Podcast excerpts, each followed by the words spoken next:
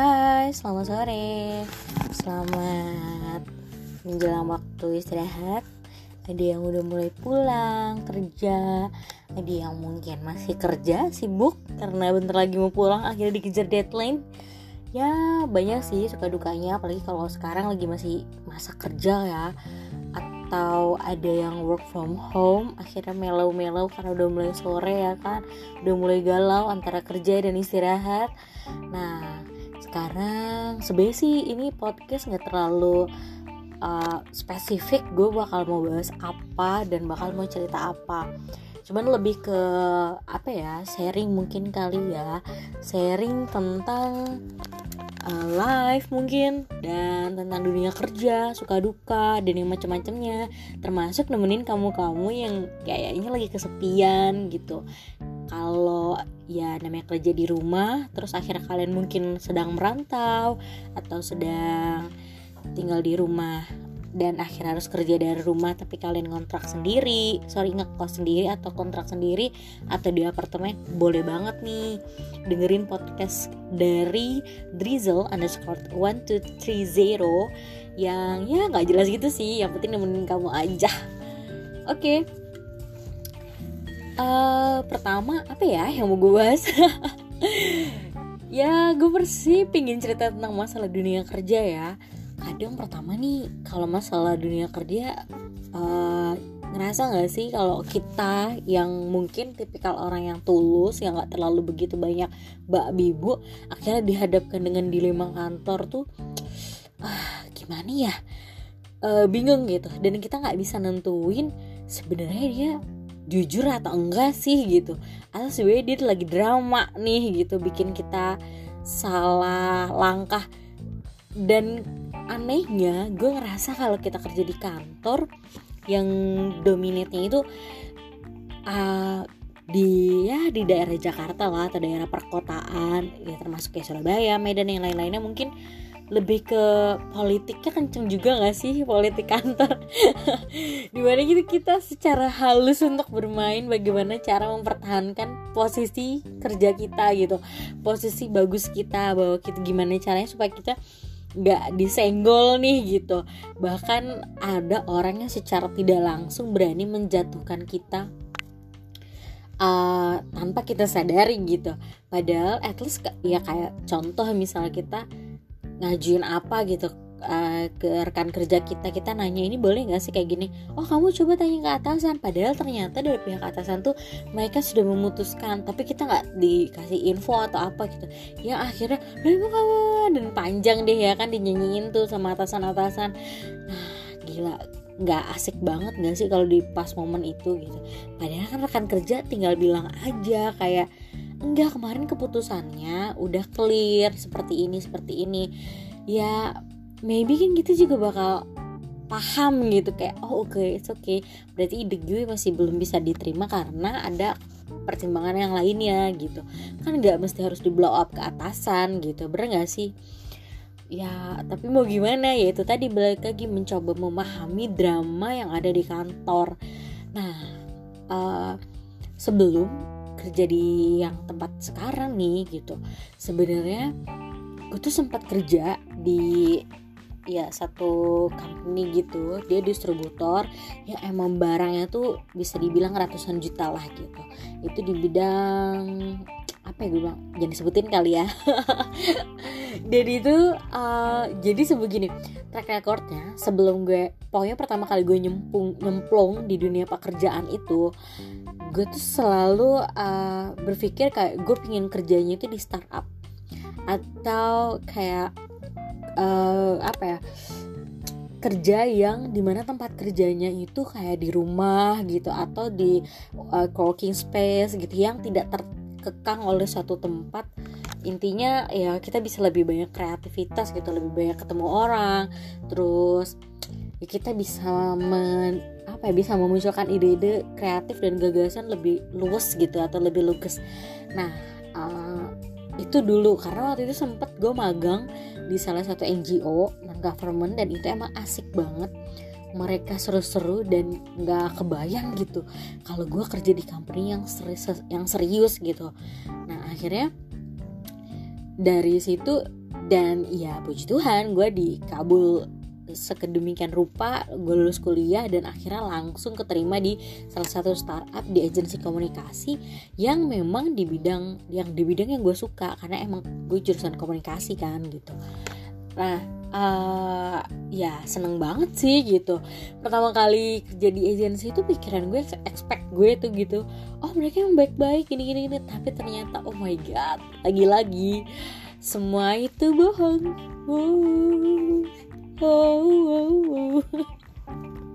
bohongnya dari mana ya lagi mungkin ya, ya memang sih karena emang ada teorinya sendiri untuk masalah communication. Di mana kayak ya ada ya banyak lah kalian tahu kan ada agenda setting teori hep ya hipodermik. Nah nih teman-teman yang komunikasi mungkin kayak tahu banget gitu.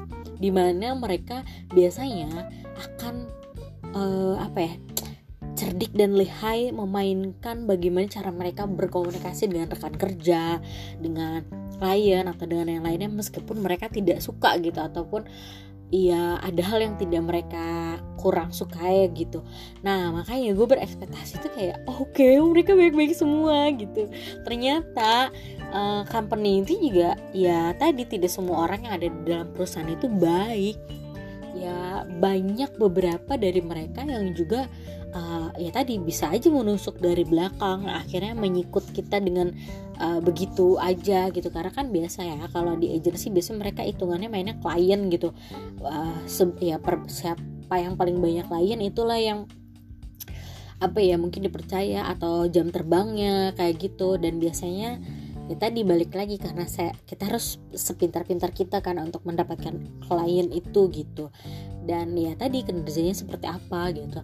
Nah ya tadi gue mikir ya dalam pikiran gue yang polos ini mungkin polos apa bodoh apa bego gue juga nggak tahu.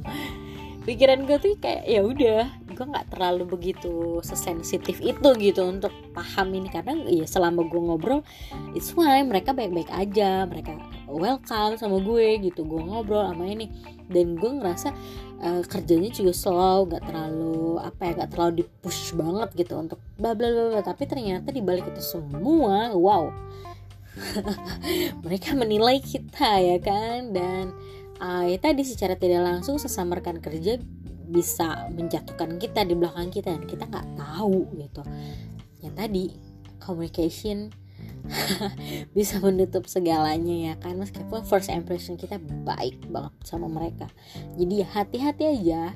Uh, orang yang baik sama kita belum tentu ya hatinya baik gitu. Jadi gue belajar banget untuk bisa memagari diri kita sendiri bahwa jangan terlalu terbuka dan jangan juga terlalu berpikir positif banget sama mereka kayak oke okay, lu boleh berpikir positif dan baik sama mereka tapi juga ya lu jangan deket-deket banget ya gitu udah sampai situ dan akhirnya uh, tadi gue cerita apa oke okay. yang berikutnya dari gue kerja di agensi akhirnya gue mimpi banget. Gue pengen coba eh pingin deh gue kerja di gedung gitu yang tinggi yang hedon banget ya kan yang pakai heels yang pakai baju kemeja yang bagus. Kebetulan waktu kerja gue kerja di agensi itu hitungannya uh, gue bisa pakai pakaian bebas. Yang penting report gue oke okay, ya kan deadline bagus dan ya tadi klien puas udah selesai sampai situ. Kecuali lagi meeting ya. Dan itu pasti harus pakai pakaian formal. Nah akhirnya gue ke kebayang untuk uh, berharap banget gimana sih caranya kalau gue pengen kerja gitu di gedung yang tinggi pakai heels uh, pakai pakaian jas gitu. Atau ya ini pakaian formal gitu yang resmi banget untuk kerja. Uh, dan ya tadi gue pengen gue pingin banget aja gitu. Pengen tahu gimana sih rasanya naik lift berangkat kerja pagi siang sore. Sederhana banget gak sih mimpi gue? Akhirnya ya akhirnya setelah setahun penantian terimalah gue di satu perusahaan tersebut gitu. Seneng banget seneng banget. Akhirnya gue sering foto-foto ya kan kalau mau pagi atau sore karena gue ngeliat oh my god sunset sunset bagus banget mataharinya terus gedung-gedungnya ya kan? Ya gimana sih kayak katro banget sih gue gitu. Dan ya udah lagi-lagi gue berpikir positif gitu. Kalau di sana ya semua baik-baik dan gak yang gimana. Tapi ternyata setelah gue mulai seminggu masuk dua minggu masuk ya tadi gap-gapannya lebih kuat. Bahkan mereka kubu-kubuan. Nyindirnya itu secara terang-terangan dan secara tegas gue nggak ngerti. Jadi dan bahkan gue kagetnya lagi waktu in, gue interview itu cuman gue yang datang jadi ada dua kandidat dan cuman satu dan gue doang yang datang satu kandidat lagi nggak datang terus udah gitu uh, apa ya pikiran gue tuh ya gue ada tim gitu. Biasa kan kalau misalnya kita kerja biasa ada tim tersendiri untuk terkoordinasi lah atau apa. Ini enggak oh my god mereka semuanya individualis masing-masing. Gak ada yang mau ngajarin gue dan gak ada yang mau rangkul gue. Gue kayak what the fuck gitu. Oh my god serius nih gitu. Akhirnya gue coba survive kan untuk di sana. Tapi ternyata uh, mereka cukup sensitif gitu kalau nah intinya gue kerja di bidang media lagi balik lagi karena emang komunikasi kan kerja uh, jurusan gue. Gue kerja di bidang media dan gue mengkritisi beberapa yang kayak eh ini harusnya nggak nggak terlalu nggak harusnya nggak boleh seperti ini sih gitu. Kayak kita bisa perbaiki seperti ini seperti ini seperti ini gitu. Kayak seperti apa ya kayak konsep besarnya gitu grand making dan apa ya ya main mapnya tuh gue mau tahu nih gitu. Mau gimana sih main mapnya kalian gitu. Sorry kalau bahasa Inggris gue jelek ya gitu. Ya ya terus akhirnya tapi ternyata ya tadi mungkin kayak gue berada gue nggak nyalahin atasan gue gue nggak nyalahin karyawan gue nggak nyalahin siapa-siapa tapi gue berpositif tinggi gini. Mungkin uh, gue tuh berada pada tempat dan posisi kerja yang nggak cocok sama gue gitu. Ya kan gue tuh pernah baca quotes deh kalau nggak salah. Itu soal di mana uh, pekerjaan dan kita gitu ya sebagai pelamar lah atau ya karyawan itu ibarat mencari jodoh. Dan ya tadi cocok-cocokan. Kalau cocok sustain dan ya cinta ya everything is okay gitu. Semua meskipun permasalahan apa pun ada di kantor kamu akan menjalaninya secara baik. Dan kamu akan melihat itu sesuatu yang ya menjadi suatu tantangan sesuatu yang bisa menjadikan kita lebih baik dan kayak oh ya gue bisa nih ya kan?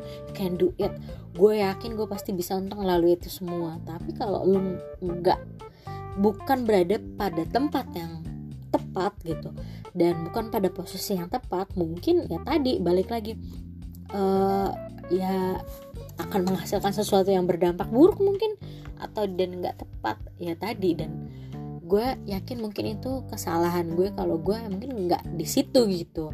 Yang akhirnya uh, gue sadar kayaknya sih mungkin kritikan gue ini akhirnya tidak diterima dengan baik oleh pihak atasan. Yang akhirnya ya tadi uh, waktu gue masih masa probation itu di cut begitu aja. Gue sedih sumpah sesedih itu. Karena kok kenapa sih nggak nunggu satu bulan? gitu. Kenapa nggak yang uh, ya udah lu evaluasi gue kalau emang gue ada kurang-kurang atau apa gitu kan. Kalau emang ternyata akhirnya sampai pada titik limit gue nggak cocok nih di sini gitu. Ya oke okay, gitu. Pikiran gue gitu kayak ini nggak fair gitu buat gue. Kalau lu begitu sih? Gitu. Tapi kan lagi-lagi gue yang kerja dia yang punya perusahaan dia yang punya duit jadi kenapa gue yang ngotot? Akhirnya ya udah dengan logowo atau dengan ya berbesar hati oke okay, God I know uh, plan lu tuh lebih baik kok gitu. Gue yakin uh, apa yang dijalanin ya tadi apa yang mungkin saat ini gue ambil itu sebagai pengalaman dan say thanks gitu. Gue terima kasih banget buat perusahaan tersebut karena ngasih kesempatan gue untuk tadi mengabulkan mimpi gue untuk kerja di ya di lantai sekian lah di gedung ya kan di highlight yang oke okay banget. Paling enggak gue ngalamin lah ya kan satu bulanan di sana asik sih seru tapi emang tadi balik lagi. Mungkin soul gue nggak di sana jiwa gue nggak di sana. Akhirnya uh, kinerja gue kurang. Mungkin gue evaluasi diri juga kan. Gue nggak boleh egois egois nyalahin mereka atau apa. Gue tetap introspeksi diri. Ya mungkin itu bukan gue nggak di itu apa ya? Gue dijelasin ya. Mungkin ya gue bukan orang yang tepat untuk tinggal di sana dan gue juga nggak akan jadi lebih baik kalau gue di sana gitu ya udah akhirnya uh, setelah masa perubahan itu gue biasa balik lagi ke agensi gue karena itu oh ya sorry di agensi gue gitu hitungannya tuh freelance. Jadi gue nggak yang terikat secara khusus gitu untuk kerja di sana. Jadi gue ya tergantung si klien yang berapa banyak yang dikasih ke gue gitu. Balik lagi meskipun jujur banget dengan dari hasil ya take over klien aja gue udah bisa mencukupi kehidupan gue dalam satu bulan. Gue bisa nabung dan gue bisa kasih orang tua gitu. Tapi lagi-lagi namanya freelance kan kita nggak ada tanggungan ya kan? Gak ada BPJS dan yang lain meskipun kita bisa daftar sendiri. Tapi kayak gue berharap banget gue pengen di kontrak gitu. Gue pengen kerja satu karyawan yang mana gitu yang pas oke. Okay. yang akhirnya ya gue nggak putus asa dong gue tetap ngelamar-ngelamar dan yang lain-lain. Nah ya balik lagi. Puji Tuhan. Akhirnya gue diterima di satu uh, di satu perusahaan yang dia super duper apa ya disebutnya humble, kindly atau apa ya yang paling tepat untuk menggambarkan perusahaan ini. Dan asiknya kita bisa mengcreate sendiri nih gue maunya seperti apa alur kerjanya seperti gimana dan asiknya ya gue lihat bener-bener seasik itu gitu untuk kerja di bidang ini gitu dan kerja di perusahaan ini. Udah gitu atasannya juga oke okay banget gitu ketika gue uh, minta minta masukan atau minta saran dan minta evaluasi bukannya seperti ini seperti ini. Itu mereka benar-benar apa ya mau menerima mau mendengarkan. Meskipun kadang ya tadi kadang gue nggak tahu kan uh, mereka responnya sejujurnya apa. Karena selama gue dari mulai interview sampai dengan sekarang semuanya ya by online nggak yang ketemu langsung gitu. Nah tadi puji Tuhan lagi gue nggak harus kerja langsung ke kantor. Dan itu kayak be safe banget. Gue harus bener-bener menghemat biaya transport gue ya kan? Gue nggak harus ke mana-mana dan gue cukup kerja dari rumah. Kayak gitu. Dan salary gue cukup ya nggak kepotong dong. So far gue cuma untuk wifi. Itu aman banget sih sejauh ini. Kayak gitu. Nah uh, cuman mungkin ya tadi udah mulai satu bulan nih gue udah mulai jalan kedua bulan. Ya akhirnya gue mulai melihat geliat-geliat ya tadi kayak gesekan-gesekan dengan ata gesekan dengan rekan kerja ya bukan dengan atasan. Dan melihat seperti apa dan ya tadi balik lagi apakah mungkin sepertinya saya harus mengingat kembali dan mengevaluasi kejadian-kejadian sebelumnya di, di tempat kerja yang sebelumnya bahwa ya tadi rekan kerja itu ya lo harus hati-hati sih gitu kamu harus bisa ngedapetin hatinya tapi bukan berarti kamu menghamba gitu dan bukan berarti kayak ya lo harus percaya sepenuhnya dengan mereka gitu.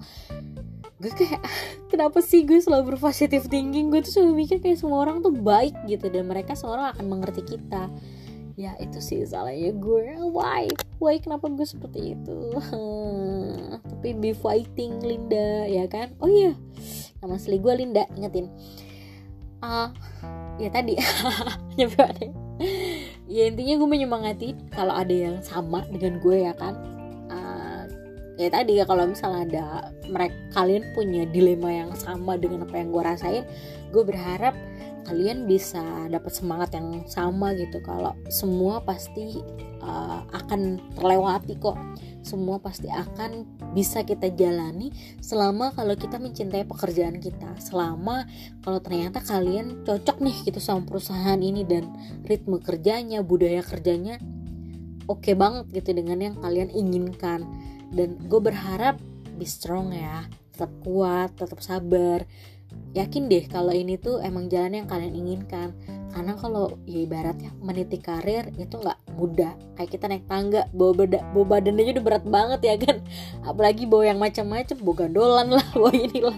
Ya kira-kira kayak gitu. Sama kalau kita membangun karir kan banyak yang harus kita build ya kan. Banyak yang harus kita bangun banyak bahan-bahan yang bakal posisinya. Dan itu uh, ya tadi butuh ketelitian butuh keseriusan dan gak mungkin Tuhan ngasih semudah itu. Yakin gak mungkin Tuhan ngasih semudah itu. Pasti banyak hal yang harus mereka uji untuk kita banyak hal yang harus mereka uh, eh banyak hal yang harus Tuhan kasih ke kita untuk kita bisa lebih terlatih lebih bisa lebih baik dan yang lain-lainnya. Jadi gue berharap kalau ada yang dengerin podcast ini semangat yakin kalau lu pasti bisa ngejalanin semua ini. Nah kira-kira kayak gitu sih. Untuk hari ini gue cerita masalah kerjaan. Oh iya gue nggak tahu sih ini perdana banget podcast gue. Sebenernya gue udah sempet berkali-kali ngedownload anchor ini. Terus gue delete gue gue uninstall gue install lagi gue uninstall lagi gue ah gue gitu bolak-balik tektok. Tapi gue nggak begitu nggak begitu kepikiran banget untuk sharing uh, kayak gini gitu. Cuman akhirnya gue pikir kayaknya asik deh karena emang dari dulu sekolah gue seneng banget bahkan sempat lolos kan jadi penyiar. Cuman ya tadi kebanyakan mereka merevisi speed ngomong gue katanya kecepetan gitu. Apa janjian yang sekarang juga cepetan kali ya?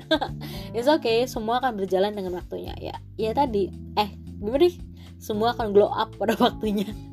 Dan ya tadi semoga gue bisa berproses dan berkembang melalui ekor ini, melalui podcast gue yang pertama, dan gue bisa sustain untuk ngobrolin podcast-podcast yang lainnya, atau mungkin gue bisa ngasih tips and trick tentang communication ya kan, tentang media baru, tentang pekerjaan-pekerjaannya, yang uh, mungkin bisa ngasih nilai positif kali ya buat yang denger. Kalau ada yang denger, kalau enggak ya it's okay. Yang penting gue sudah sharing.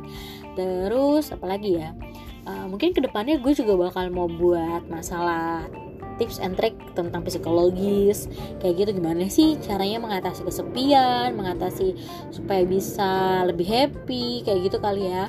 Dan kalau gue nggak tahu kalau ini bisa komen apa enggak. Kalau misalnya memang bisa ya kalau kalian mau komen silahkan. Bisa request juga silahkan.